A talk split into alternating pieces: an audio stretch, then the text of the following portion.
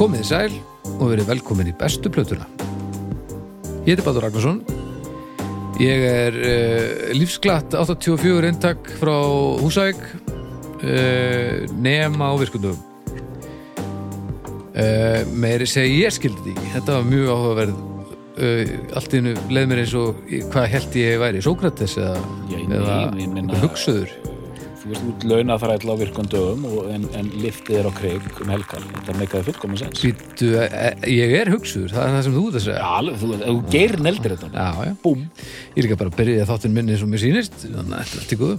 Eh, Uh, við erum... Uh, hér í Ég vissum stúdíóinu. að, að mannkisagan áttur að fara svona með þetta að einhvers stað að vera skráð í heimildu framtíðarinnar að þetta sé allt saman þáttunum Já, uh, uh, var þarna Valdur á Stórvirki setti saman seríunna besta platan hélt henni út í Rétt. einn og sér Rétt áður en ég rekk upp að þá ætla ég að eyða öllu út af allstaðar Það og það verður döbbast bara svona minningin, nei, ég ætla bara að eyða öllu út og minningin verður sem sagt að, þú að ég eyðir að vera að, að halda út í þetta. djöfusins drull er það Og svona var ekki einhver, það var einhver telóni með honum, var það ekki? Æ, það var svona.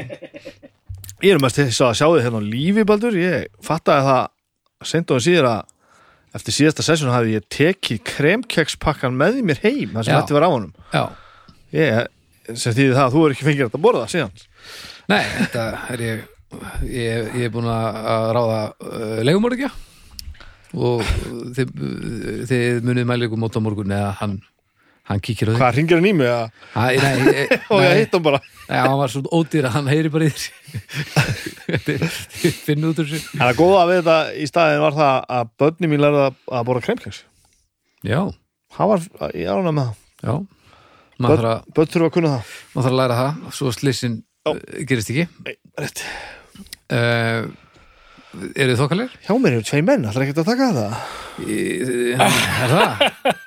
Viltu það? Ég er að reyna að berga þessum þættiðinum eitthvað. Nei, það þarf ekkert að berga þessum þetta mínum Það eru- Þetta er allt í góðum Við erum þokalegir. Já, við erum ég bara, er- við ég erum er bara nettir, í- ég, ég hlakka mikið til. Já, það er Hlakka gott mikið til. Það er, það er vel rosa skemmtilegt að taka upp sem þetta í kvöld. Já, þetta er, þetta er svo fyrsti af Hvað? Þreymur. Þre, þremur? Á að þrenna í kvöld. Jésús, Það er þremur þreymur í kvöld. Já, það þrenna í kvöld Og... og, Svitalikt að þrenna í kvöld. já, og, og það er gaman Já, já, ég kefti viftu hérna í, í stúdíu Já. en ég tengdi hann ekki Nei, gott hjá þér Já, já, Það þannig verður að- notað sem props þegar við tökum þessar stórkostlegu ljósmyndir á eftir. já, já, já Já, góða punktur En hérna, áðurum við hendum okkur í, í umræðunar þá skulum við nú tala aðeins hérna um hljókirkna til dæmis, eldsnögt Já, já, Ef að tala um þáttinn þinn, snæpi tala um fólk kannski já. Við getum gert það, já, já, já, já. Það það er veist þú að að gera það, tala Já. um fólk Ógeðislega lengi Ég var að keira út þátt núna Sem að er þátturinn sem að er að fara að koma í lofti í gær, Í gær, þegar já. þetta, þetta byrtist já, Já. þessi þáttur Hann er úr með fjóru tímar Er það svona langur? Já, við þurfum að tala svo mikið Það er, það er viðtal við, við Óla í Game TV Já. Og sá þáttur byrjar á því að hann kemur með Playstation 5 tölvuna mína og ég unboxaði hana Já, Já, on mic sko, já, já. engin kamera reyndar en, en bara, í, bara beint í mækin já, já, það var mjög gott sko já. Það það er resandi, fjóru tímar satt sko við, við höfum, hann er Náðu klukkum að spjall náttúrulega ekki eftir þetta hann, nefnum bara ha- við náttúrulega gátum talað mjög mikið um töluleiki Já, en svo gátum við talað náttúrulega mjög marg- margt annað sko. þetta, hann er náttúrulega, hann er ótrúlega maður sko. Mm. þetta var mjög, mjög, mjög skemmtilegt Já, það er gott að heyra. Uh, þið getið tjekkað á þeim þætti bara inn á veitunum núna. já, Uh, svo viljum við nú tala um styrtaraðalinn okkar líka. já, Það er Lucky Record. Hildi, já. Heru, það var rekordstór degið um daginn Já, já, já. Mm. beittu ykkur eitthvað? Nei, nú er Ég var og bara hérna dreifið leita það svo nokkra kremkexi. daga eða hvernig já, e, e, nei, sko, er ekki annar búinn og hinn er eftir er þetta ekki, er þetta ekki tveir dagar með viku villibili eða eitthvað svoleiðis? Það getur verið. við minni það sko Ok.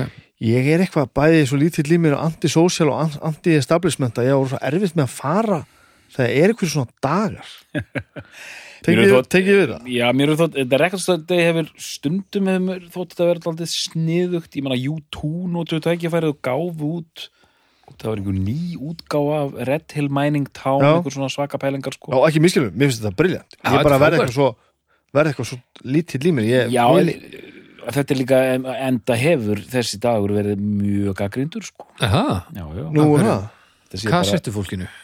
Nei, þetta sé fyrst og fremst og, þú veist, eh, þetta sé fyrst og fremst hérna en það, ég, ég man ekki alveg hvernig þetta var en þetta eru allar þessar gaggrinni strættir alltaf svona, þú veist, þú veist Þetta er komið í burtu frá rótunum. Þetta er bara Já, já, já. kapitalismi, la la la la. Rætunar að því að plötubúður hafði þetta aldrei starfað innan kerfiskapitalisma Nei, og líka bara, af hver, bara hva, Þú veist, hvað hva villis er þetta eiginlega? ég man ekki Rætur, ofmetna ræturur Ha, En það er alltaf alltaf eitthvað sérstætt við þetta að- að- að- að gefa út sapgripi.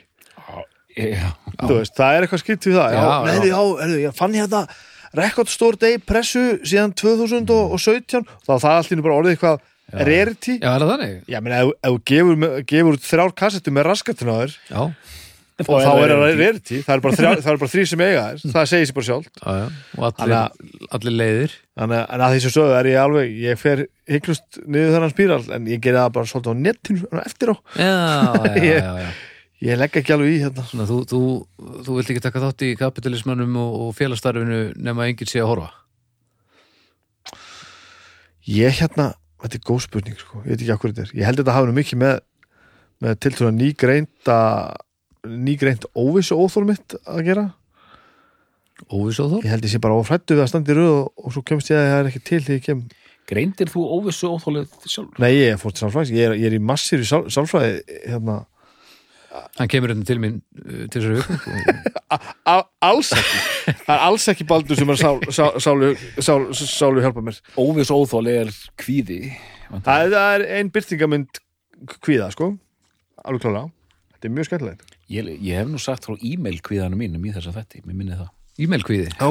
Já, e-mail kvíði ég held að þetta sé, að- ég er með svona símtala kvíða, sko ég get ekki svarað Simtala kvíða Simtala Símtala kvíða kvíða Símtala kvíða Símtala kvíða Símtala kvíða Ljóta að vera svo sálfræðistofu Símtala Ef ég var með kvíða sálfræðistofu, alltaf ef ykkur kemur Simtala kvíða, þá fyrst væri regla að þú verður að kalla þetta og var að opna fram Simtala kvíða Það er með simtala kvíða Og þess vegna er ég, er ég ekki með svoleiðis sveldi stókstofnum á sótavatninu Þetta er mjög gott, já en lökkir okkur segir Já, lokið ekkert Það eru flottir, sko Stórkustlega búð sem að uh, þið þekkið vonandi flest uh, nú þegar, ef ekki þá er, já þá býður ykkar upplifun handa við hotnið Já, Ha. og, og diggir hlustendur þess að þáttar eru sannlega orðið margsvísar um Lucky Records bara í gegnum þessa þætti Já, og ég held að ég hafi fundið til dæmis plötu sem að mér þótti mjög gaman að finna fyrir þá réttu ári síðan í Lucky Records eftir Records Store Day það var að Pearl Jam gáfu loksins út Mm, mm, unplugged einmitt. útgáfuna já. vinil Er þannig þetta að ekki, þetta, þetta gerir það gott sko, að það, það eru svona einhver verkefni sem að hafa ekki verið framkvæmt Ég ætla bara að segja áður það. ekki þá að gera þetta núna þannig að það, það er gott sko, og ég hafa Robert og sjálfsög voru bara til tvö eintök í Lucky Records einhver dögum eftir þetta og Já. Svavar í vinnunni minni, hann langaði svo mikið í þetta hann hljóp á stað úr vinnunni já, og- og ég kallaði svona eftir húnum Takk deitt handa mér og hann, hann hljóp bókstaflega Já, hann hljóp bara Það er ekki mjög, það er mjög þægilega stutt úr vinnunni minni í Lucky þú er samt ekki löpið Nei, hann var laður á stað Já, Fjallferð. já, fjallferð, já Djöfull ætti hvorugur ykkar þessa plöttu ef að þetta Ef að Svavar var ekki staðið á snillingur. öllum með þér. Ha, Þetta er upp í mótu allt En hérna Takk Lucky Já, fyrir að takk fyrir okkur að uh, sjá um okkur og vera með okkur í þessu það er ótrúlega fallega gert Og plata dagsins er nýlega keftar Ég átti þessa plötu ekki á vinnil og þurfti að fara og ná í hana þangað við erum, eða þið aðalega eru að fara að tala um bestu plötu Queens of the Stone Age Já, Það er nú það sem við erum að gera Dreigi hérna hér upp úr, úr skettanum Þér er, ég held að þetta sé 2017 Pressa. Ég held ég að lesi það einhvers þar ekki á þessar plötu heldur bara á einhvern ferði mínum um interneti það, það, hvort það var ekki vöndun á þessar plötu á víni lengi og þetta var jú, hún ke gengi, já, það stendur 2019 hérna þannig að hún er kannski verið kemur hún ekki út 2002 2002, jú, mm. orginni 2002 þá kemur hún alltaf út sko Hún þá kemur er það er á 2002, þessum Já. geisladiska 2002, á þessum geisladiska hérna já. ég var á áratug. hvað ég var ekki búin að tengja það Sem sagt, að ég- hérna, ég fekk ég fekk hana bara inn á bortið minn eh, inn á mokka í svona promotional geisladisk bara svona pappaslífið einhvern hlöðu þess að ekki pappaslif heldur svona þunnu hérna plast þund júlkes þunn jewel case bara með þessu sko og bara einhverju stimplu, hérna promotional copy kursöfustofan. Ég er átjónar þegar hún kemur út og minningin mín af henni er svona eins og eitthvað stórkustlegt sem ég hef kynst áðan já, já, já, þetta er ennþá svolítið svona nýtt band einhvern veginn Já og, og sko það er ekki neitt annað sem ég geti svona bent á frá þessum tíma sem er með sömu minningu sko Nei, nei, nei Bandið stofnað í e, Palm Desert í, í, í, í hittanum Ó, sérðu þetta Svona á maður að gera gatefold Já, Ég er að sína strákunum sem sagt, þetta er svona gatefoldið á plötinni þá það er sér, útvarp sér maður svona inn í bíl og svona útvarpið í bílnum sko, alveg bara nær hérna alveg yfir sko. Stopna, bandið stopnað 1996 Þú hætt að, þú hætt að taka upp síman sko, ég man þetta ekki allt Er þetta ekki rétt hjá mér? Eitthvað svo lis Uh, stofnað 96 eftir að undanfarið þessar, þessar bands hafi, hafi gefið út hvað fjóra plöttur eða eitthvað Fjórar, já, og, sett og, og hætt hana árinu áður það var Kajus Mm.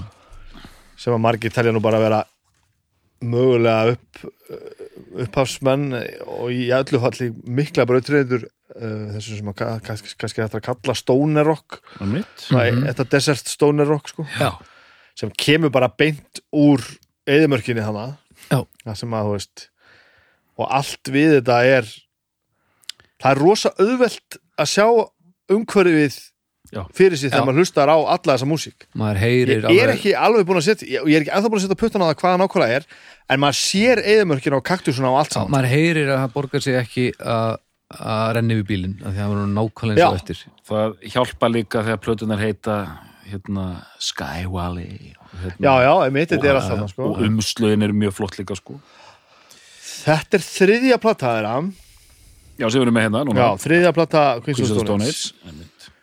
Uh, Jú, þetta er þetta ve- veglegu já, þetta greipur er flott útgáfa maður Hún er rosalega flott Þetta er svona bústu og, og, og flott sko. Já. maður, bara svona, maður getur ekki hægt að halda á þessu sko. Nei, þetta er bara svona eitthvað sem þú bara finnur bara held ég svolítið standart bara í rekkanum hjá Lökki sko. Tvöföld vínul útgáfa af Queens of the Stone Age, já og það er þarna sem sagt uh, leiðtögin Josh Home Mhm. sem sko eftir að Kaius hættir þá byrjaði hann meðal annars að spila á gítar með hljómsveitin Screaming Trees Já, sem svona auka gítarleikari já sem að aldrei kemur inn á, það, inn á efni þessara plötu Mm.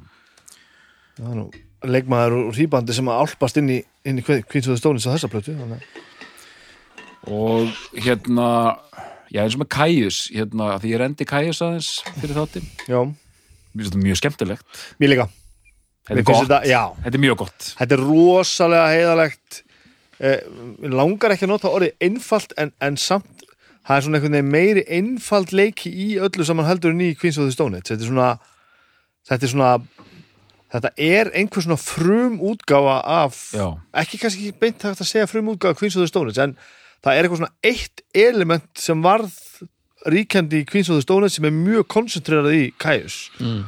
Ég var búin að gleyma, ég held mér mynda Kæs hefði verið me- meira svona svona, hérna þú veist, einhver sjöminutna lög og væri meiri svona sko, ekki desert, ekki, ekki stóner heldur jú, þetta mun eftir hérna kannski hljónst sem heitir Earth bara nafni, ég maður Já. ekki hvað þetta er þeir eru að búa til svona tíu mínútna lög með, hvað heitir þessi tónlistastefna þegar það kemur trómutaktur á, á mínútu fresti eins og hann slíp Sludge, svona slöts já, svona stó, og bara svona stón Doom Metal já, svona doom stóner metal einhver Já, já.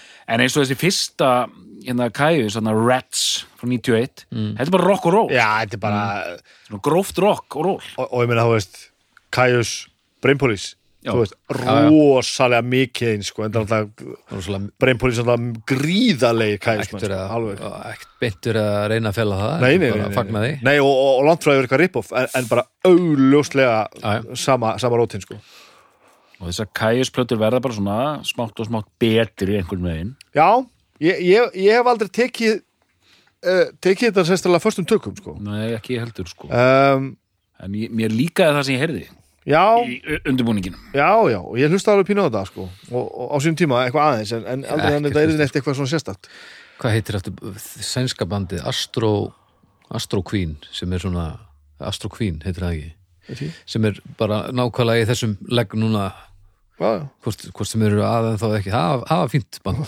það er svona næsta sem ég hef komist í þessu held ég. já.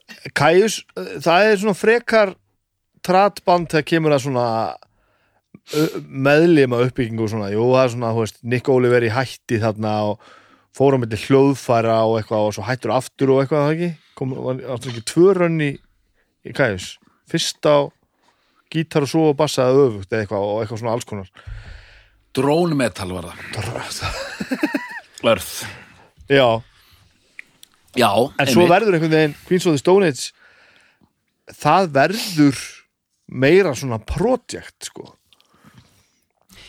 Já, ég, og ég, það hefur örugglega ekkert verið eitthvað, eitthvað plan en, en það, það, það verður það sko og byrjaði sko fyrsta platan, kemur út 98 já, heitir bara Queens of the Stone Age það er eiginlega soloprojekt Hom sko. hann gerir mest allt sjálfur sko.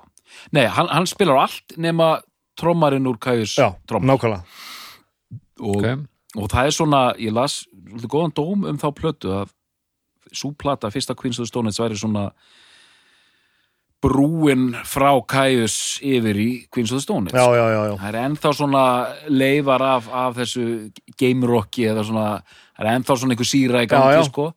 einmitt En mér fannst alltaf Queens of the Stone Age er svona, eins og hann sagði hérna, að meðan Kaius er allt svona, svona expansion svona út, þá er sko, það er verið að svona þjappa þessu saman, já, já, já. Queens of the Stone Age. Hve- Hvernig finnst þér hún, þessi fyrsta? Uh, ég upplifa hana nákvæmlega svona ég upplifa hana nákvæmlega eins og eitthvað svona gateway út úr kæju sko. Já, já.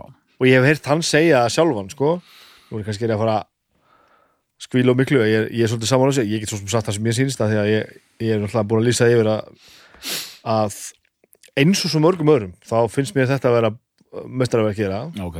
hérna, Songs for the Deaf sem er þriðaplatan og ég hef heyrt hann segja það og Nick Oliveri sagði líka á, á, á, á sínum tíma að sko að- að að- ég heldur hafi sagt það báðir að þeir hérna sæði þetta fyrir sér sem sko þríleik sko eftir á, sem sagt ekki- fyrstu þrjár plötunar sko. Já, já, já, já. E- ekki þú veist að það hefur eitthvað planað en sko fyrsta platan hafi verið bara svona a- aðeins að svona taka það með sér sem hefur áttu þannig kæjus og hrista svona aðeins upp í því og svona gera eitthvað við þetta uh, platan nummer tvö hafi svona verið bara taka þetta eitthvað lengra, gera eitthvað aðeins annað og komum með svona bara nýja stefnu í þetta og þessi hafi svolítið fullkomna þá stefnu sko og þeir sáu svolítið skil bara nei þetta hlýtur að vera Joss Oliveri var alltaf hættur þannig þannig að vantarlega sér hann þetta alltaf í þessu tífambili En mér- segir hom, segir maður ekki homi Mm, ég, þetta, er, þetta er gallin við það að maður svona er ekki í réttu, réttu grúpunni maður heyr, þetta er ein- eina skipti sem ég segi Josh Home, það er bara við sjálfa mig hérna í, í hausnum sko. Joss homi, bara ég leifi bæði en, en sko þú lefur bæði, ég ætla að segja homi en ef að þú hérna já, höfum bara Homie hérna, Jason Statham og Josh homi Josh Homie eh, hérna eins og þeir þannig einmitt. staðfam nei Statham ég laka mjög mikið til að halda áfram hennar þátt sko, af því þetta er ekki alveg gefið Nei, einhvern veginn, þetta er, þetta er alls ekki svona gefið sko. þetta, þetta var aðeins flóknara en ég held þetta er Já, þetta er nefnilega flóknara uh, Þetta gerist, nú, svo er þetta ennflóknara núna vegna þess að það er mjög, ekki mjög það er frekast út síðan að ég kveikti bara einhverju leiti á þessu á þessu bandi Nú, Mér fannst þetta bara mér fannst þetta bara ekkert skemmtilegt mm eh, Ha? Mér fannst þetta ekkert eitthvað ógeðslega leðilegt Ég bara svona mér fannst bara No One Knows rosalega gott lag mhm. svona það er og svo fyrir mér fannst mér bara nokkuð lög bara allt í lagi viðbót og restið var bara ok, ég bara veit ekki eftir hverju að leita sko já, ok, ég er bara að gera Bubba skálmöld svona, alveg brjál já svona 50 sinum hann er alveg, alveg galinn á mig ég sko bara hefur nokkurt blokkað eða ekki hirti þetta já, hann oft þetta er bara komin ekki aðeins, rétt. komin aðeins könns í Bubba þá, þá settur hann þetta í hljónstarótunni og, og segir mér að hlusta á þetta Já. það hefur komið nokksum, Rétt nokksum og fyrir skynsamur ég held að maður, það Bubbi. hafi virkað þess að ég allt í einu small eitthvað í haustum á mig sko einhvern tíma farið þið að hlusta á Leatherface ég mun aldrei hægt að tala um það band fyrir þið að gera það húskar þú, Ná, hún sko, Ég- Stíldan og ég- Leatherface ég tekka á húsbjörn dúðum daginn þetta og ég að hlusta á, það er bara hálfur rétt þér já, ég minn, þetta er bara ykkar ég er tónlist líka búin að hlusta á hérna, mann ekki hvort við talaðum um, hérna, No Dogs in Space lagarpið Jú. uh, Já, Á punk, hvað ég náði því ekki maður punk Ha? Já, Ekki þarf- var, varst, þú, þú eru ekki fundist þau skemmtilega Nei, mér finnst þú ekki skemmtileg maður Nei, nei, þau eru ekkert að fíla þig heldur En þau voru að klára núna Beastie Boys Já, já þú er alltaf frábær Ótrúlega hressandi En Já, já, það er mikið talað um húskrið í, í því samingi ok, í, í punk saminginu Þetta var svona útidur Ég afsækki þetta Þetta var haldið eini áfram. bara gott það er mjög, mjög gaman að heyra þetta Já, eh, No Dogs in Space, allavega þeir sem að- hafa ekki tekað því Herðu, já, fyrsta Queens og síðan þurfum við að tala um næstu, Já, ég hef ég, Hún fellur svolítið á milli hjá mér sko. mm, ok Ég hef ekkert rosalega mikla skoðun að hér plötu það er nefnilega svo plata ég eh, man að hérna þá var ég að vinna í Apis, það var 2000 Mhm. og ég man þegar hún kom inn í hérna bara inn í búðina En þannig bandi e, er ekki neitt neitt þannig Nei, það er ekki orðið frækt Nei, og maður fær eitthvað svona Queen's of the Stone Age og, bara, hérna, og Jonni sem var að vinna hlu- hlusta á þetta og síðan, Hvað séu, 98? nei, 2000 kemur Það er hann plata tvö, sko. að kemur hann að þess, eh, fyrsta platan kemur út 98 Rated R kemur út hérna Já, sem að 2000. mjög, mjög mörgum er, er mjög hátt skrifu sko. Já, og ég Já. meina hún var hún, sko, hún varð mjög umtöluð sko. Já. og við vorum hana í búðinni sem kemur þetta fyrsta lag hana nikotín, nikotín, nikotín alkohól, maður bara, "Bíddu, hvað er í gangi hérna, og sem er rent strax í hérna hérna, ding, ding, ding, ding, ding, ding, ding, ding, ding, ding, la la la la la but in a way, no matter whatever you be don't tell anyone Mér- du- du- du. og hérna, og maður bara svona, já, djúvel er þetta gott og þetta var svolítið svona, og var þetta svona plötubúð nei, hérna, búðaplata Já. búðin, sem sagt staffið Já, ég skil ég skil. bara fíla, fíla þetta alveg bótt sko Já. gott eða það var ekki sumri til og bara já, já, og ég man að Jómbi okkar maður í Brain Police hann var einmitt að veifa framann í mér hérna fyrstu Queens of the Stone Age Já, já, og, og ég, þú veist, ég vissi ekkert hvað það var, ég hafði aldrei hýrt um þetta vissi ekki neitt en reytiðar fór hann inn og hún er ógeðslega góð, geggjöð plata sko. já Ég er einhvern veginn bara ennþá þar Ég er sennilega bara ekki komin alltaf leið í Queens of the Stone Age málinu að ég svona hlusta á hana bara svona, já, já, ég heyri alveg að það er eitthvað annað, sko. það var svona stemning í kringum plötuna sko. Já. og hún, hún auðvitað fer með á ákveðin stað hljónsetina, þeir fara að verða þekktari sko. Já, já, og þú veist, og þeir náttúrulega þekkja alla og allir þeir, sko, og allir þá, segi ég, þannig að, og það er náttúrulega frekar ljóst, sko, Þe- þetta er svona einhvern veginn, og þetta svona, svona er svona, veterans já, þetta eru veterans, þetta eru töffarar, farið sinna eigin leiðir einhvern veginn, hann er náttúrulega alltaf með þetta projekt þarna, Desert, já, já, hva- hvað Eh, kallar það þetta? Desert Sessions Já, Desert Sessions, alveg rétt Einhver- allir og enginn sem taka þátt í því og hann er bara að anskotast eitthvað að búa eitthvað til einhverja anskora músík hingað og þangað sko Mm. ógæðslega töff konsept sko og svo náttúrulega er náttúrulega eitt fýll hérna sem að við erum ekki þú er búin að nefna Screaming Trees sem náttúrulega er alveg stór, stór hérna örlaða valdur þess, eh, með þessa blötu sko Mhm. en við erum náttúrulega kannski með ekki, ekki síður stórt mál sem þarf að takla að, að Queens of the Stone Age voru náttúrulega hittu fyrir fúfættis já, já, og Nei, voru kæjusæti fyrir fúfættis Nei, nei, Queens, Queens of the Stone Age vantalega Allavega og og það kemur til tals að Dave Grohl þeir verða ægilega góði vinnir Joe Somi og, og Dave Grohl og það kemur eitthvað til hérna til, til, til, til tals að hann trommi eitthvað hann og reyti dar sem varð svo ekki sko mm. þannig að það var til einhver, einhver lingur þar sko og bara, já, svo gerist það ekki og, og svo einhvern veginn hæ- hættir trommarinn í Queens of the Stone Age eða eitthvað, þú veist, hættir, ég veit ekki hvort einhver hættir í þessu bandi, þetta einhvern veginn bara gerist þú veist þurra, Mhm. þetta er svolítið svo helga hljóðfæraleikrarnir það er bara svona það er bara svona einhvern veginn aldrei, sa- aldrei sami mannskapur einhvern veginn já. og hérna og Dave Grohl er þarna 2001-2 orðin alveg galinn á því að vera í fúfættis já, búin að vera trommarinn í Nirvana mhm. einhvern veginn bara að breyka aftur með, með Fúfætis og, og hann synkar hann alveg sko útgáðinu af, af næstu breyðskjöfu Fúfætis og setur það bara á, á hold já, ég skil og fer bara og trommar þessa plötu og er, verður bara meðlimur í bandinu Einmitt. hann er bara skráður official member bara í eitt ári eða eitthvað já, já. og þessi plata náttúrulega ber þess rosalega mikið merki já. ekki bara Dave Grohl trommana heldur Dave Grohl trómar trómarana þegar hann er ekki búin að tróma í mjög mörg ár Já. og veit ekkert hvort hann nennir að vera áfram í fúfættis þannig að hann er bara að berja hann er bara að mörka líftórinu og öllu sem verður fyrir kjöðunum hjá hann sko. og þessi, þessi plata er svo ævintýralega trómuð sko. Já, þetta er hann er vel algjörlega trómuð, ekki sko. ekki að sko og hann, hann, hann er bara svo sé eitthvað aðunum Og það, s- og sjá hann á tónleikum það, er bara- það, er, það er fucking rugglað sko. Man possessed það er bara svo að reyna að koma ykkur út hann er bara að reyna, Ah. hann er svo að segja keppa í því að tróma með Queens of the Stone Age það er eitthvað auka í gangi, hann er bara gjössanlega andsetin sko. Mm. og bara, og þú veist spáði ég þessu sko með, með Mark Lannegan og Rönd Já.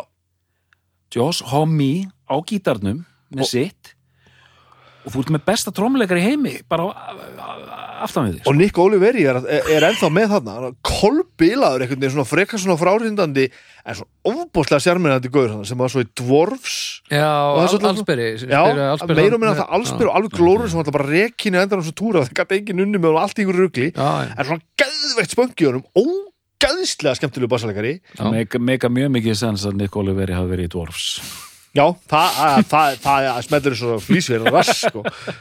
og hérna og, og úrverður þannig eitthvað einhver en svo náttúrulega er, sko, listir af fólki sem spila þessar plötur náttúrulega óendanlega sko. en þetta er svona einhvern veginn sko, ég man ekki sko, hver eru skráðir meðlumir í þeir eru hann að fjóri hann að, Já, Mark La- Mark Lannigan er bara skráður sem, sem hérna Er ekki um myndir þeim að það? bara þessir fjórir Já. hafi gert blöðuna sko. Já, Já, þetta er svo áhugavert sko en þetta er allt saman bara written by Josh Homme hann er bara, þetta er bara Já, hans já. stöf sko.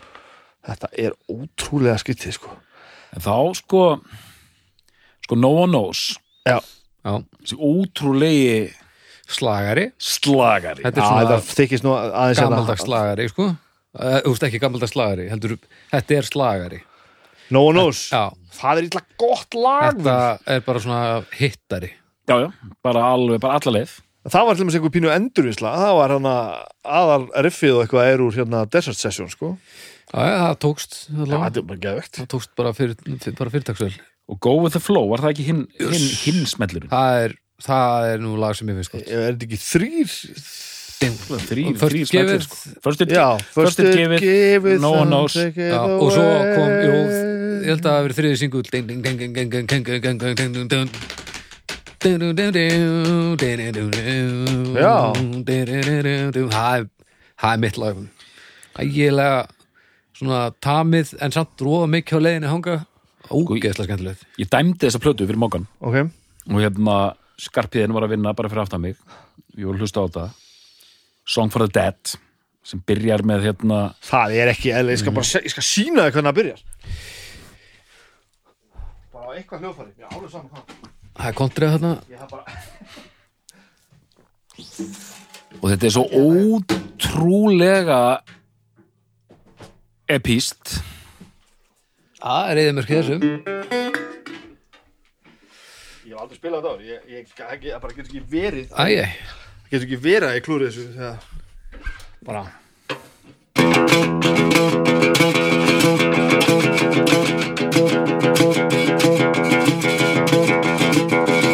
Svona er lagið bara allt að stoppa, kemur aðeins svona Og svo byrjar hann bara að tromma bara eitthvað Limba Svo allt í þess bara Búr Gekku Byrja- Gekku Allt og langt sko svo, svo hættir þetta alltaf annars leið bara svona og hættir maður að læði sér búið bara, og, og þá eru bara fjóra Mjög- myndir búin að læðinu sko. mjög sérstallega og síðan svona, síðan svona keirir það að stað eins og skriðir ekki sko og síðan breytist það þú veist Já. og þú veist Lannegan fer að syngja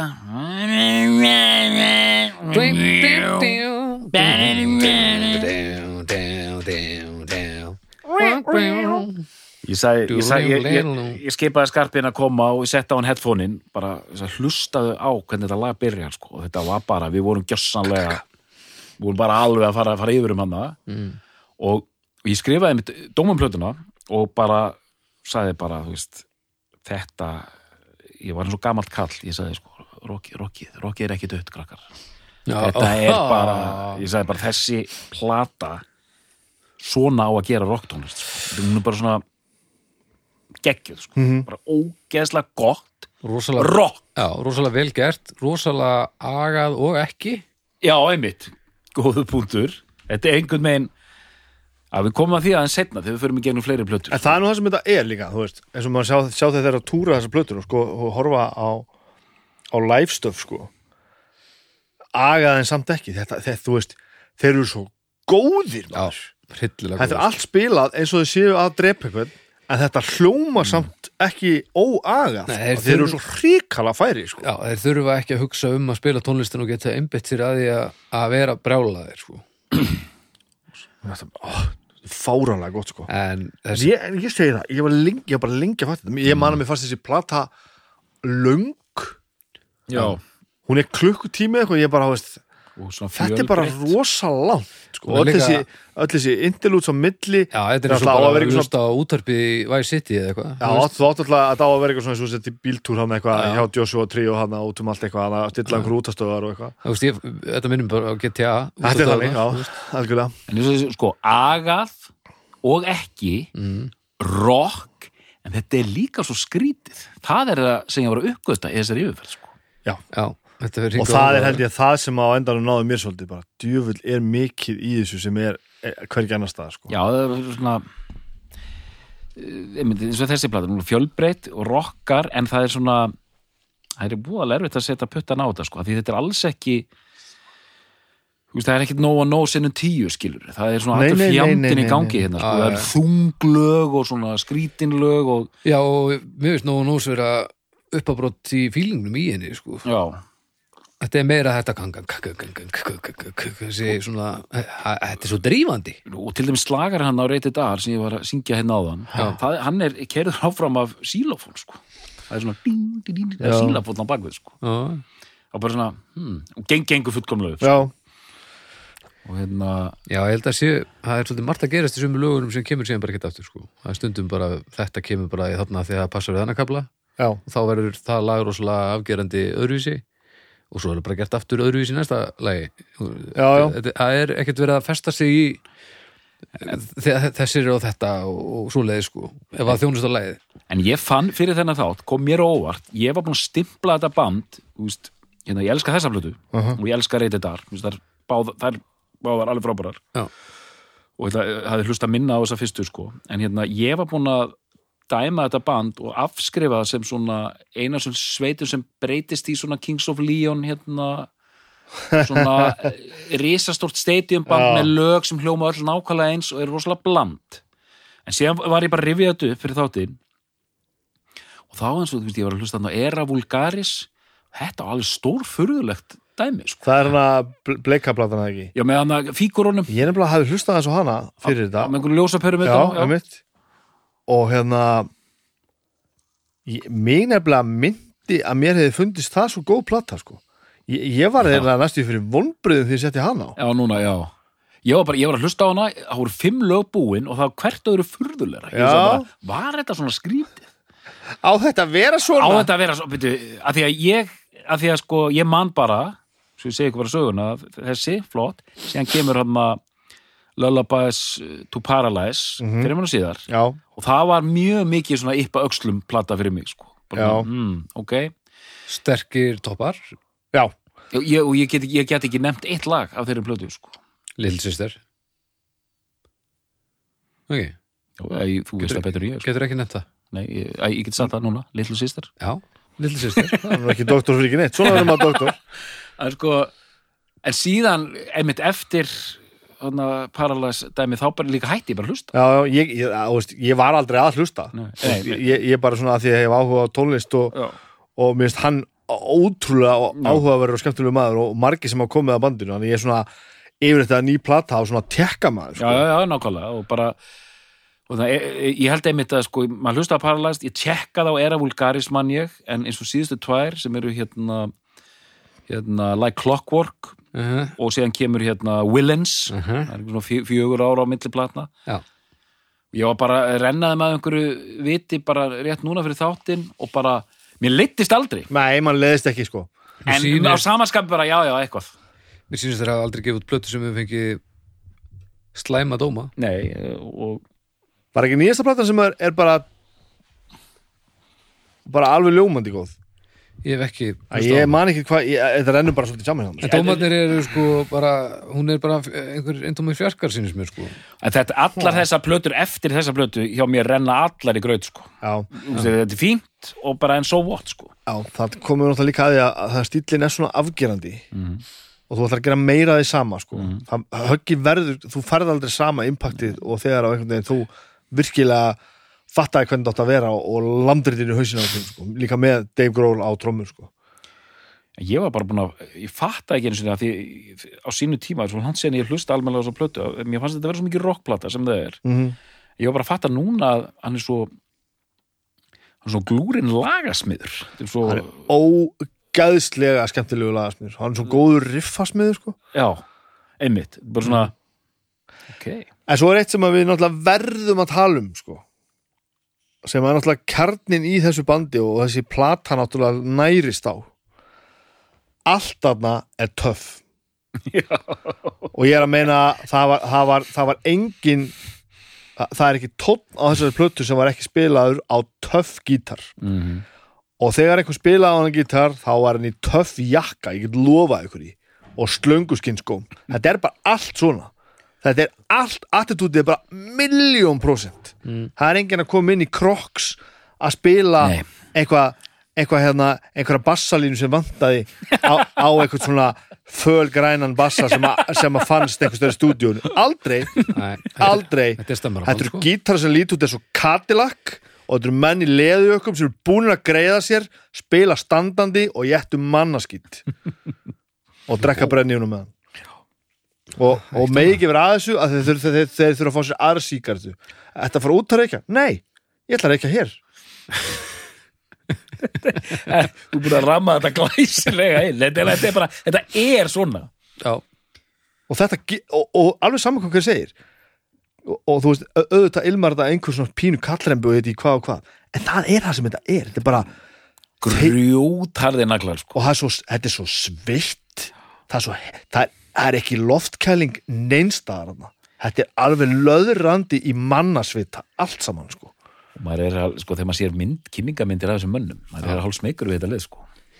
hann er ég, ég sko ég, ég, ef ég sé viðtal að er viðtal við hann einhvers staðar, þá hlusti, ég- hlusta ég að horfi sko það er eitthvað það er viðtal sem þeir skulu hlusta á en það er hlaðvarp sem heitir hann heitir Dean Del Rey Mm. hann og uh, ég fann hann að því að hann er hérna var að hita upp fyrir Mark Maron Þessi Mark Maron er stand-up-gur já, og Dean Del Rey fór með hann á túr og var að hittu fyrir hann og hann er sem sagt með sitt eigi hlaðvarp og búin að vera mjög lengi og hann er mjög svona músikorientet að tala við hinn og þessa risastóra ok og nótabenn eru Mark Maron og Dean Del Rey nýbyrjaðir sama með hlaðvarp sem eru bara tveir miðaldra menn einstæðingar, badlausir að tala um einstæðingsluti bara gallabuxur og Rolling Stones það er ekki og þeir gera þetta bara svona tveggja til þryggja vegna fresti, bara eitthvað þeir eru búin að gefa út þrjá eða fjóla þætti það heitir, það heitir Dark Fonsi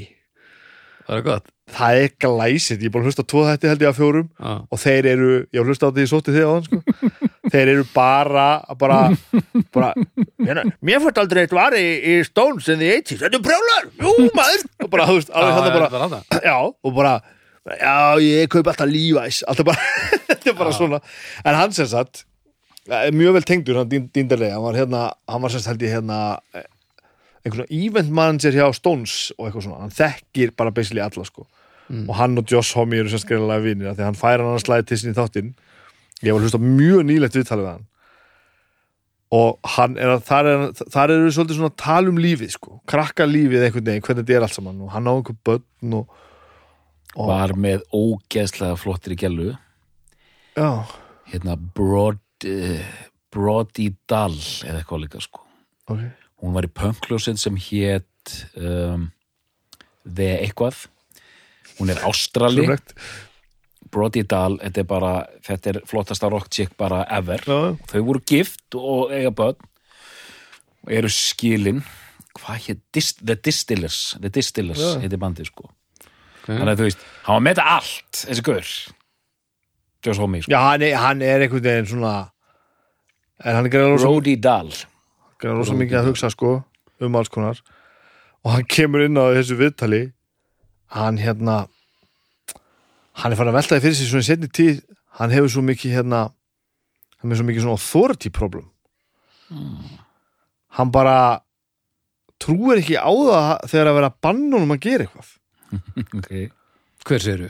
Jósomi Það er bara þannig Já, fannst þið myndað henni? Já. og hann er svona eitthvað, eitthvað að krifja þetta mál og hann segist til dæmis aldrei aldrei farið til umferðarreglum Nei. af því að hann bara skilja ekki akkur hann er að gera það Hann er hvað, akkur þú að ráða hvað ég er að kera hratt Vó, sko, Júna, og hann sagði með þess að sko að hann var stundum tekinn að löggunni Pínu Júnibóm er fílingur og hann sagðist og hann sagðist eiginlega vera, Júnibómer. vera að reyna að díla við þetta sjálfur sko Júnibóm er Já, að að þú veist að, að hann þyrfti einhvern veginn að koma að skilja það er svo, svo, að, svo sé bara eitthvað pínu til liða við okkur hinn sko. Að- að sko hann sagði þegar löggan stoppa mig sko þá, og þau spyrir mig bara, veistu hvað ástu að kæra rætt já, já, já, ég er orðin á sitt sko þess vegna er ég að flýta mér getur, getur þú skrifað þessa sekt svo ég geti drifið mig ég er bara orðin á sitt sko ég er ekki að kæra rætt til þess að reyna að vera hættulegur ég þarf bara að komast þangað hratt, þess vegna er ég að kæra rætt að, og, og hann segist bara horfum hann með lögguna og löggan bara, ertu alveg fáið og hann bara nei, ég bara skil ekki akkur þú átt að ráða hvað ég gerir rætt en ekki bara ég og hann er hann bara alveg sko. Já, já. og þetta er alltaf einhvern veginn smittar inn í allt sem hann er að Nei, gera og þú sagði þetta aðeins vinnulega heldur en að gera það nei, hann var nefnilega ekki hóstal sko. hann er ekki með einhvern dólg sko. hann er bara að segja bara Það tala um almennt bara já, ég menn ekki eins og- til dæmis í þessu viðtali er hann, Já, nei, er nei, hann svona frekar vinalegur sko. Ha- en vinalegur er ekki rétt árið Það er en, samt, hann er algjör tussusnúður, víst er það svoleiðis? Já, Já, Já, þetta er losa ljótt það sem er að gerast með hann og hann að- hann að- hann að vinkona minna broti í dal já, það er einhver harka þar það er harka, það er, það er leiðindi og, og, og, og asnæli heit sko Og þetta var, ég maður bara því að ég var að sjá mynd af þeim tveimur saman, þetta var svona algjörlega bara of gott til að vera satt sko mm. svona hefði fullkomna rockpar sko hann er al, víst algjör dólgur, sko og, Já, með, ég held að hann ljóta það og með tvö, þrjú börn sko og maður bara svona ok þú veist, virkar þetta, þú veist, getur þetta virkað hérna. Muggisson hittaði upp fyrir Queens of the Stone Age 2005 What? í Ameríku Já. Þetta hafði ég ekki hugmynd um og hann saði mér svolítið góða sögu af því að talandi um þessa menn þarna sem þú lístir svo vel áðan hvernig þeir eru Aha. og þú veist það er það er Josh Homme þarna eins og hann er, eins og Þurs þarna Hann er eins og hann er svona eins og blanda af Jóni Stóra og Áskeri Kolbens einhvern veginn Jón, Já, Jón Kolbens eða Kolbeins. Ásker Stóri Áskeri Stóri Ah. skilur A- hann. algjörlega bara svona intimidating gaur sko, síðan eru alltaf einhver gaurar sem standa við hliðin á þeim, fjögur stykki og þeir eru allir, þeir eru bara eins og þetta er svo að horfa á einhverja mafíumyndi eða eitthvað, þeir eru bara svona thugs, þeir eru bara hana hann er búin að vera með hann um lengst þarna, ho- hollendingurinn hann fann löfin eða Já, eitthvað, já Muggisson og, og Arnar Gísla og, og þeir allir gaurar, Íslendingarnir koma hana og eru að spila tóku nokkuð gig með þeim sko, þetta var ekki Já. bara eitthvað festivalgig þetta Nei. tóku einhver, einhver gig sem fyrir þetta stað og síðan bara sko sem bara, já, ok, strákar, heyrðu, ok og, og, og homi og þeir koma hann inn í, inn í hérna, baksvis hérna, baksvis hérna rýmið, bara, já, já, ok, strákar, heyrðu ok, og þá er það kókainið núna tökum við kókainið hérna, byrju, hérna þið verða að fara að fá okkur sem er greinlega eins og að fá sér KitKat fyrir hérna Queen's of the Stone Age og Kókaðin í svona fjórum línum og, og, og Muggisson sagði sko að þú veist, þeir bara eh, nei takk og hann sagði mér, hann ötti sko að hérna, menn voru ekkert s- þessi menn svona hmm. Já, Það er já. hóplistingur já, bara svona ok, býttu og bara býttu örglega eins og þú hört að lýsa hérna, hérna þegar hann er að tala á lögguna býttu, já, býttu hvað, býttu hérna tökum við, hérna er, te, hérna er tekið kókaðin minna, er já ekki læg með ykkur Nei, ég, ég, ég er bara að taka kókaðin sko þú veist að, já, það er bara svona og, þú- og þið, þið fá okkur kókain og, og síðan bara höldum við áfram og, og mjög svona brennsunni þarna og hérna og, og, og þeir fóru ekki en svo, ég, ég var alltaf munið þetta en bara svona þegar maður sér mynd af Queen's of the Stone Age, þetta er einmitt gauðra sem bara taka kókain eins og þessi að hérna, bryða KitKat eða eitthvað sko. Já, já, og massa þetta já ég, ég, einmitt, þetta kemur ekkert á óvart ekki neitt 2008 var hann að spila með, með þeim. ok, Já, já, ok, Vá, cool það er ekki hugmynd um þetta. tónleikaferðarlega í Kanada en það kemur ekki fram hvað var það Þetta voru svona kannski tíu gig eða eitthvað Það er annað viðtal við Josh Homme sem ég man eftir sem er alveg legendary Það var YouTube það- og, og vonandi er, ég vona að sé ekki hættur YouTube þáttur með, þe- kannast þið mann sem heitir Matt Sweeney Matt Svíni hérna gítarleikar Já, sem hefur spilað með Will Oldham dálítið mikið. akkurat með Bonnie Prince Billy hann og allt saman Hann var með þa- þætti á einhverju YouTube stöð sem heitir Noisy, það er sama Mm. ég held að sé á Noisy, það er sama stöðun og er alltaf með hana British Masters þættinni hana Alveg rétt þar sem hann tekur viðtölu hana með hann hana, hann hana vinnuðin hana, John Doran akkurat og hann var með þætti þar sem he- heitu, heitu Guitar Moves þar sem hann sem er, sem er mjög gott Mjög gott, mjög fókuserað umfjöllur Já, og þar er hann með viðtal við, viðtöl, sem sagt, hver- hver þáttur er að, sko, 40 tí- klukkutími eða eitthvað svolítið, sko og það er alls konar meistara, sko það er eitt, eitt af síðustu viðtölunum við Lemmi er hallum, sem hann sem hann er alveg búinn að sína hann um múin sín, sko Shit. og hann gerir þetta svo vel, sko hann er svo, hann er svo góðu góður þessi, þessi í þessum Já, þáttum allavega já, já og hann þekkir Joss Homme gerðilega mjög vel og þeir sitja saman í klukkutíma í einhverju stúdíói og, hann er að sí- og þeir eru að fara yfir guitar moves hjá, hjá hérna Joss Homme, ég þarf að fara að horfa á þetta aftur á landsins á E þetta Erum við að tala um líkamstöðu eða bara hálsin Gítarmús bara sk- allt Já. Bara alveg sama Já. það er alveg bara hvernig þú heldur á honum en meira náttúrulega að tala um bara svona hvernig sem eru lög hvað það Já. gera og þetta, þetta verður svo skemmtilegt sko og þeir sitja þarna anspænir hverju öðrum svona, svona, með svona einn og hálfa metra bara, svo, eh, bara svona kannski aðeins svipa við sitjum við það núna sko Mm. og þeir eru svo sveittir það er svo heitt hjá þeim sko og þeir eru svo klárlega ekki edru talandu, kók, talandu kókaði sko, kemur alls ekki á óvart, það væri bara nákvæmlega það og þeir eru bara svona að tala bara svona bara á svo miklu sko, miklu þunga um eitthvað og, og bara guitar moves Joss Homme bara farið á YouTube og bara slökkuð á þessu sem er að hlusta núna og bara farið að tjekka þessu þetta er svo getið geðvikt, það voru þetta allir ég er búin að horfa á alla þess að þetta og hann til miður er það er einhver ár síðan hann gerir síðustu seríu Já, en Guitar Moves er bara þetta er bara, þetta er bara skemmtilegasta YouTube stöf sem ég nokkuð tíma fundið sko. tjekk, Og hann er- það- þetta er góðu gaur, Matt Svíni Ja, hann er glæsilegur allavega í- það sem maður sér, sé, maður sér á honum í þessum, þessum þáttum sko. en þarna held ég að maður hafi séð svolítið inn í kjarnan á Joss Homme í því viðtali löður sveittur að segja honum hvernig þetta er svona spila maður á gítar og þetta þurfa að vera flotti gítar og allir hinnir eru fokking aumingjar og ég er löðurandi sveittur en hann ekki hve- hvenær sparkaði hann í ljósmyndaran hann á kikinu það var alveg voðalegt já, býtu, já, hann náttúrulega bara tók hann bara, bombaði bara í hausinn og já, já, alveg, bara, einhverju konu sem var að reyna að taka myndir á honum og endaði með því að koma með afsökunarbeðni og ætlaði hann aldrei sögsa sínum gangu og eitthvað og Alveg rétt, hann er ég er svona, búin að hann gleyma er þessu. alveg svona tursi sko já, já, já hann er algjör skadræði sko Já, já, En hérna Býtuðu nú ekki, ég var með eitthvað hérna Sko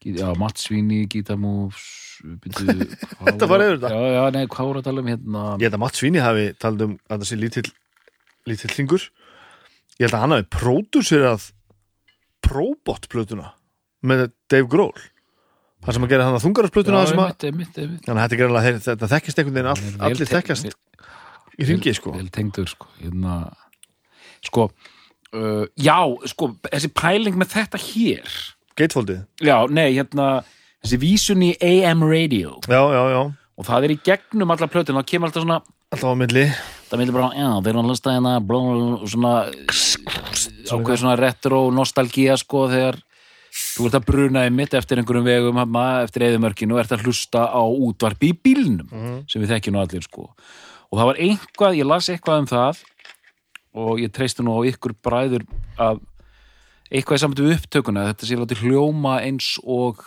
eitthvað og það sé einhver svona hvort það var allt í botni hækkað ég veit það ekki, ég veit ekki hvað ég er að segja sko það er eitt, eitt sem er mjög áhugavert það er margt svona við þessar plötu, mikið nördismi sem já, þú sándið, sándið á já, því. já, já, já. það, það er mjög afgerandi eitt sound, eitt soundfattur, ég veit ekki hvað þú ert að tala um þetta Mm.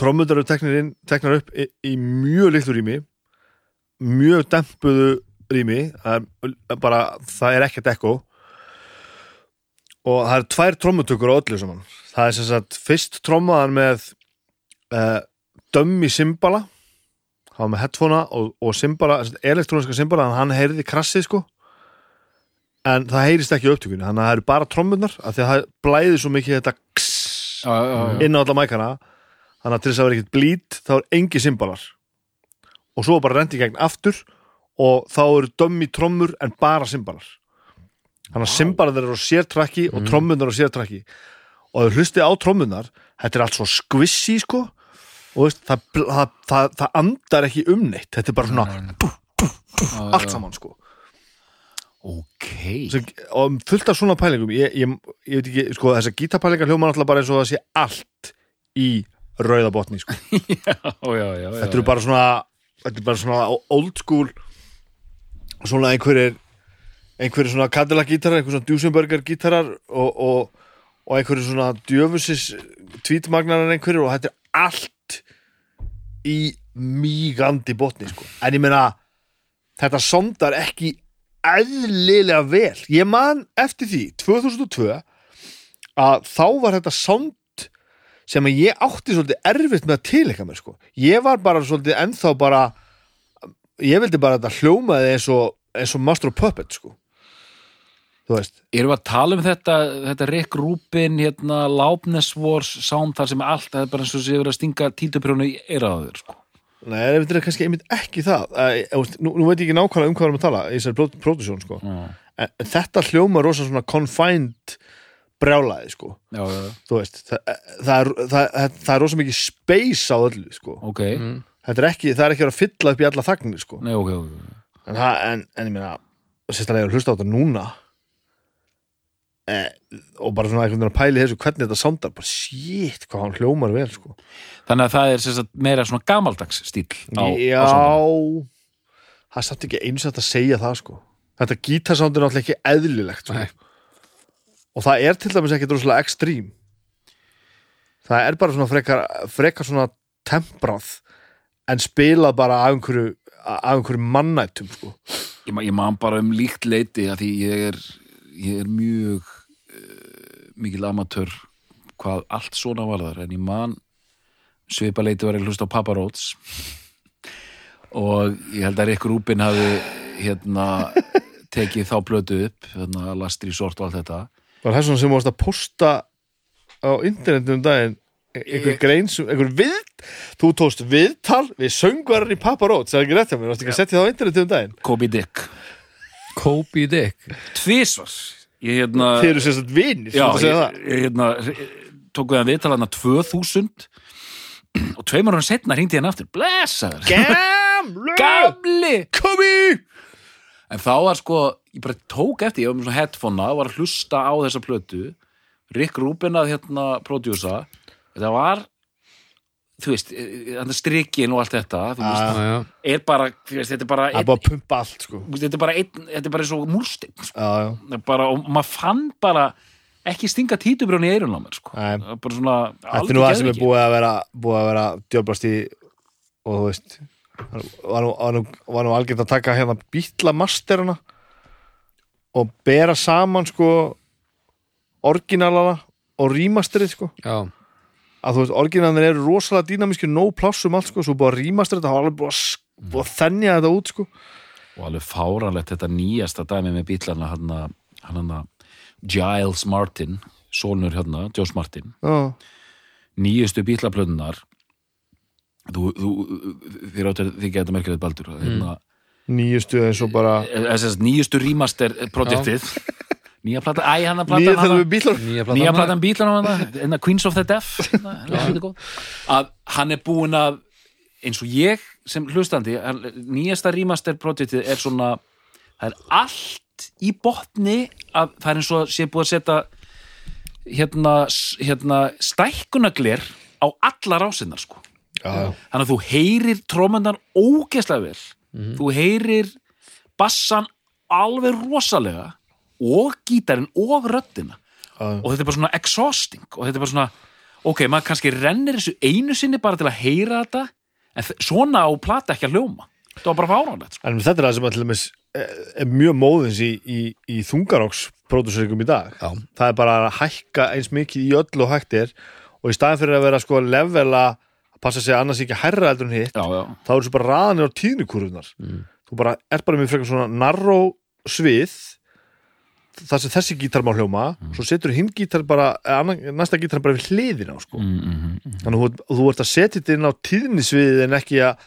ekki að mixa á level sko. þannig að þú getur haft allt ógesla hátt en sándi verður líka oft bara svona bara, ok, hvað er að fokkin gera þetta? Akkur erum við að gera þetta? Nei, mitt, þú veist, það er engin, engin pæling sko. ekkert svona Eh, Þetta er alltaf geðveik pæling Það er alltaf, þetta er alltaf sem fólk er að gera mjög viljandi, sko Já, en ég fatt ekki sko, þú veist, þú veist þessa bítlaplötur sem eru gerðar með, með þessum hætti hljómuðu mjög illa að þetta var bara óþægilegt En var það, Þetta hljómaði ónáttúrulega sko.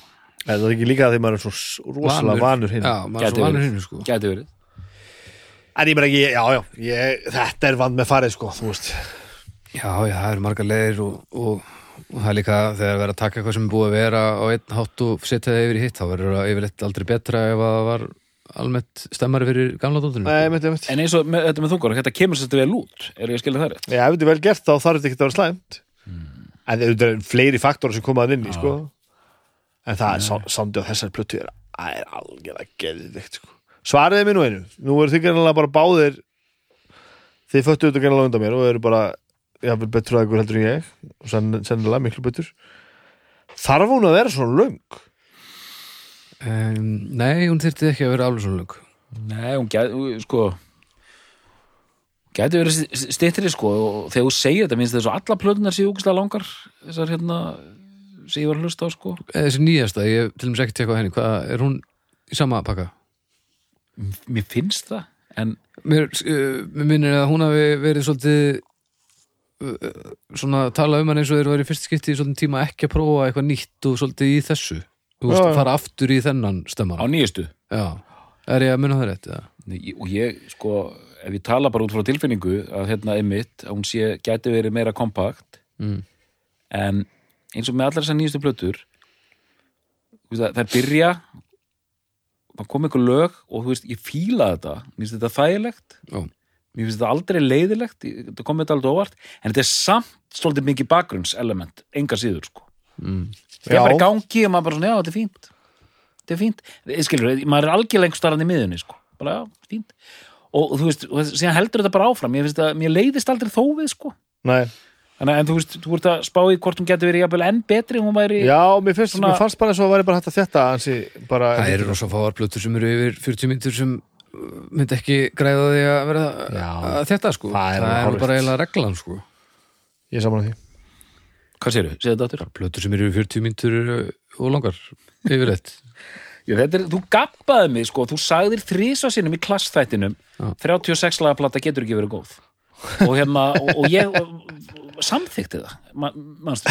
Ah, og, ég- og þess vegna hérna Ég er þegar, þegar, ég- þegar ég gaf honum hérna þegar ég gaf honum Bibba hérna sandinista sko, þá tók ég þetta allt aftur tilbaka sko. Já, já, það er rétt.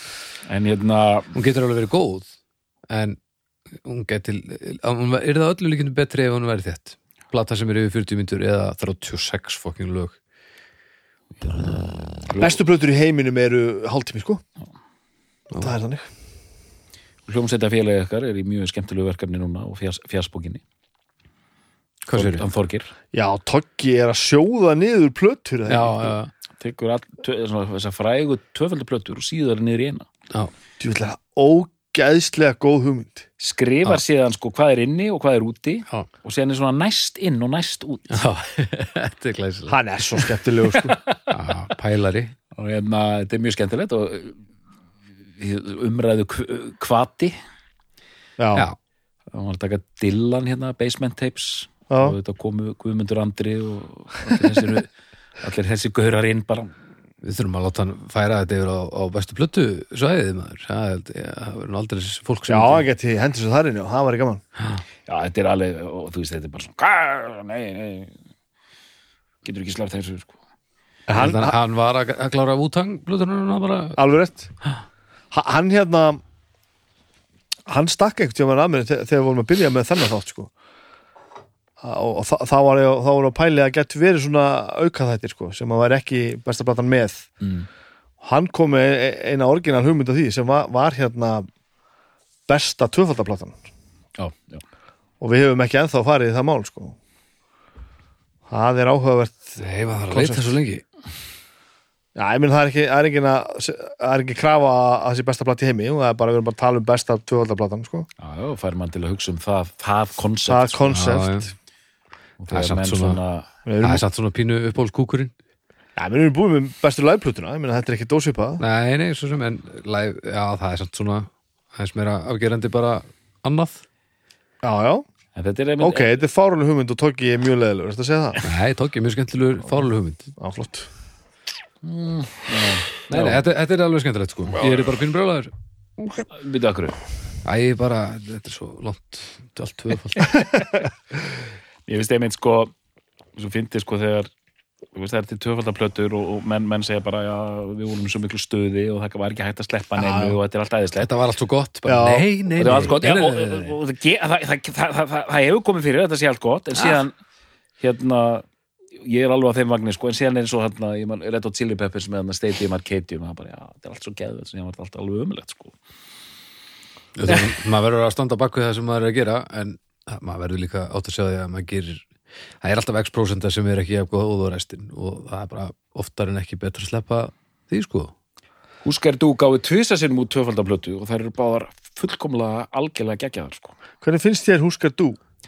Herðu, já, býtu, ég hef heyrt um þess að hljómsveit einhvers þar. No, NoFX voru gefur plötu, já, það átti að vera fyrsta tvöfaldaplata þeirra já, og hún átti að heita single album já, en svo ákveður að stittan er í einfaldaplötu, þannig að hún heiti single album og er bara einfaldaplata. wow wow, wow, Þetta er því lít ferðalag brandarinn sem átti að vera eitthvað svona auðla brandari þetta var það, hann já, þetta fór bara einhverja 2000 ringi og endaði bara svona Þetta er bara einhver plata sem heitir single album heyri, já, ég hugsa Já. að við fyrum að slaka okkur bara í uppgjör sko já, uh, Snæbjörn, byrjum að þeir um, enn og aftur erum við að tala um það er nú ekki langt sem við tölum um, um, um Bruce Springsteen uh, og ég held að við værum ofta, ofta tíðum sko nærði að tala um ef að, ef að Bruce Springsteen myndi heita heita hljómsveitarnafni þá varum við að tala öðruvísi um hann Mm. uh, en ég held að það sem hann hefur gert sér oft, oft nærði að vera hljómsveitamál heldur en það sem við erum að tala um hérna já, svo skrítið að taka svona þetta leta svo hvernig maður hugsa um þetta af því þetta er augljóslega hljómsveit en samt er þetta alls ekki hljómsveit þú veist, ekki í þessum Nei, skilningi Mm. nei, sko. og þú veist, og þetta er náttúrulega einhver fjölistahópur af það og einhver, einhver bara það, menn þetta inn og út og fullt af fólki sem er spila á sko, mörgum plötum um Queens of the Stone Age og er alls ekki í bandinu sko. svo bara eitthvað leysum túrar bara og þetta er bara einhvern veginn sko. Mm. og, en samt er þetta einhvern veginn alltaf hljómsveit þetta er alltaf einhver hattur sko Mhm. mikið gert úr því að þeir voru svo miklu óvinnir hann og, og Oliveri sko já. þegar hann var reikin eftir dúri með þessa plötu og svo sagði hann bara nú- mörgum árum setna bara já, okkur, við fýlum ekkert hvort annað sko í einhvern tíma, en ég meina hann er samt að semja lag núna á nýju eins og það stónist plötuna þú veist, þá var hann allir bara með einhver riff, þú veist, og þeir voru bara eitthvað saman að taka upp og já, þú veist, þetta, þetta er bara svona einhvern veginn þetta er einhver aðeins önnur pæling heldur en að vera í hljómsveit, þetta er bara svona en já, mér skilst að það sé nú bara svona almenn sátt um það að maðurinn er fíbl Já, ok, ég bara, ég þekki þetta ekki svona vel ég, ég, ég, Já, svona talaði um þetta náttúrulega bara sem kokkrokk bara út á honum En ég, ég get ekki sagt að það komi mér eitthvað, eitthvað stórfallega óvart sko. nei, nei, nei, allt, allt í háa lofti þarna það er nú hvað er eins og það allt sko Nei, Það er eins og ertu, það er. Sveiflaskott ertu orðin doktor í, í, í sifni? svefni um, þe- Talandi um, Fylla kaffið talandi um vínilinn og, og, og lökkirekord sko. Þetta er eins og að platta sem að ég græti mjög á því að kaupa mér á vínil Það er mjög gaman að taka fjóra hliðar á þessari plötu Þetta er mjög og snúa plata svona líka. við sko. Þetta er líka Það- mjög plata Þetta er mjög plata, sko. á, Frá upphæði til Já. rúm að getur dottið í nóg og nóg svona ef maður er uh, svona "Æ, við hittist hérna í bústaðvinirnir þetta er bara alveg eins og í gamla dag þá spila maður það en, en heima við þá er þetta alveg svona frá upphæði til enda sko. Já, þannig að það er mjög gaman sko. um, Ég er ekki alveg búin að fatta þetta en, en mér finnst þetta f- frábært samt sko ég hérna, já ég er ekki alveg seldur á Queens of the Stone Age vagnin en, en, en ég er búin að ég er búin að uppgóta að þessi platta er, er, er stórkustlega sko Já, dottor Já, ég er hérna ein pæling sem verður kannski aldrei kláluð sko, ég er allt í einu mikið að velta fyrir mér einmitt þessum setni tíma eh, Queens of the Stone Age plötum sem ég var búin að afgreða sem einhver svona bland stadium rock plötur, Já. komst að því að þær eru það ekki í rauninni, Já, en eins og ég er búin að lýsa þægilegt og flott og ég get hlusta á þetta og haft þetta í bakgrunnum ég veit ekki, þetta er svona, þetta er svona deluxe vegfóður einhvern veginn sko. Mhm. hérna já, ég nenni ekki að tala meira um þær en hérna, mér finnst reytið R frábær Já. og þessi frábær, mér finnst þær vera svipaðar já, og ég var mikið að spá í fyrir þennan þátt, bara að ég þurfti í rauninni að rifið þetta allt saman upp en Songs for the Deaf svona hafði það á loka já, metrunum ok að hérna það er einhver aðeins meiri svona úlfúð og bara hún er bara einhvern megin þú veist, reytið þar kemur bara já, hei, djöðlega þetta flott og þessi er bara svona, ok skiptum í hérna, förum úr fjórðagýr yfir í fimmtagýr, sko, og bara svona og síðan eru þetta þessi geggjuðu lög sem við erum búin að tala um og þetta Song for the Dead sem er í miklu uppaldi hjá mér, þetta er bara svona geggjaður pungur í þessu, sko, sem bara bara frábær rockplata og hana nú hana nú og Dave Grohl já, ég meina bara hana, já, bara amen og halleluja sko. Ég veit að það er þreytt að tala svona mikið um eina mannsku Þetta er alltaf þriði þátturinn sem við setjum undir Dave Grohl En ég með það, sko. hann á það allt inni sko. hann er, já, já þetta er þetta bara það- það- eh, þetta er- þetta er mikil dásamda drengur sko. Þannig að, Snæbjörn Er þetta besta plata Queens of the Stone Age? Já, já, Doktor, er þetta besta plata Queens of the Stone Age? já, Baldur, er þetta besta plata Queens of the Stone Age? E, já Við þakkum fyrir í dag og við heyrumst af ykkur leðinni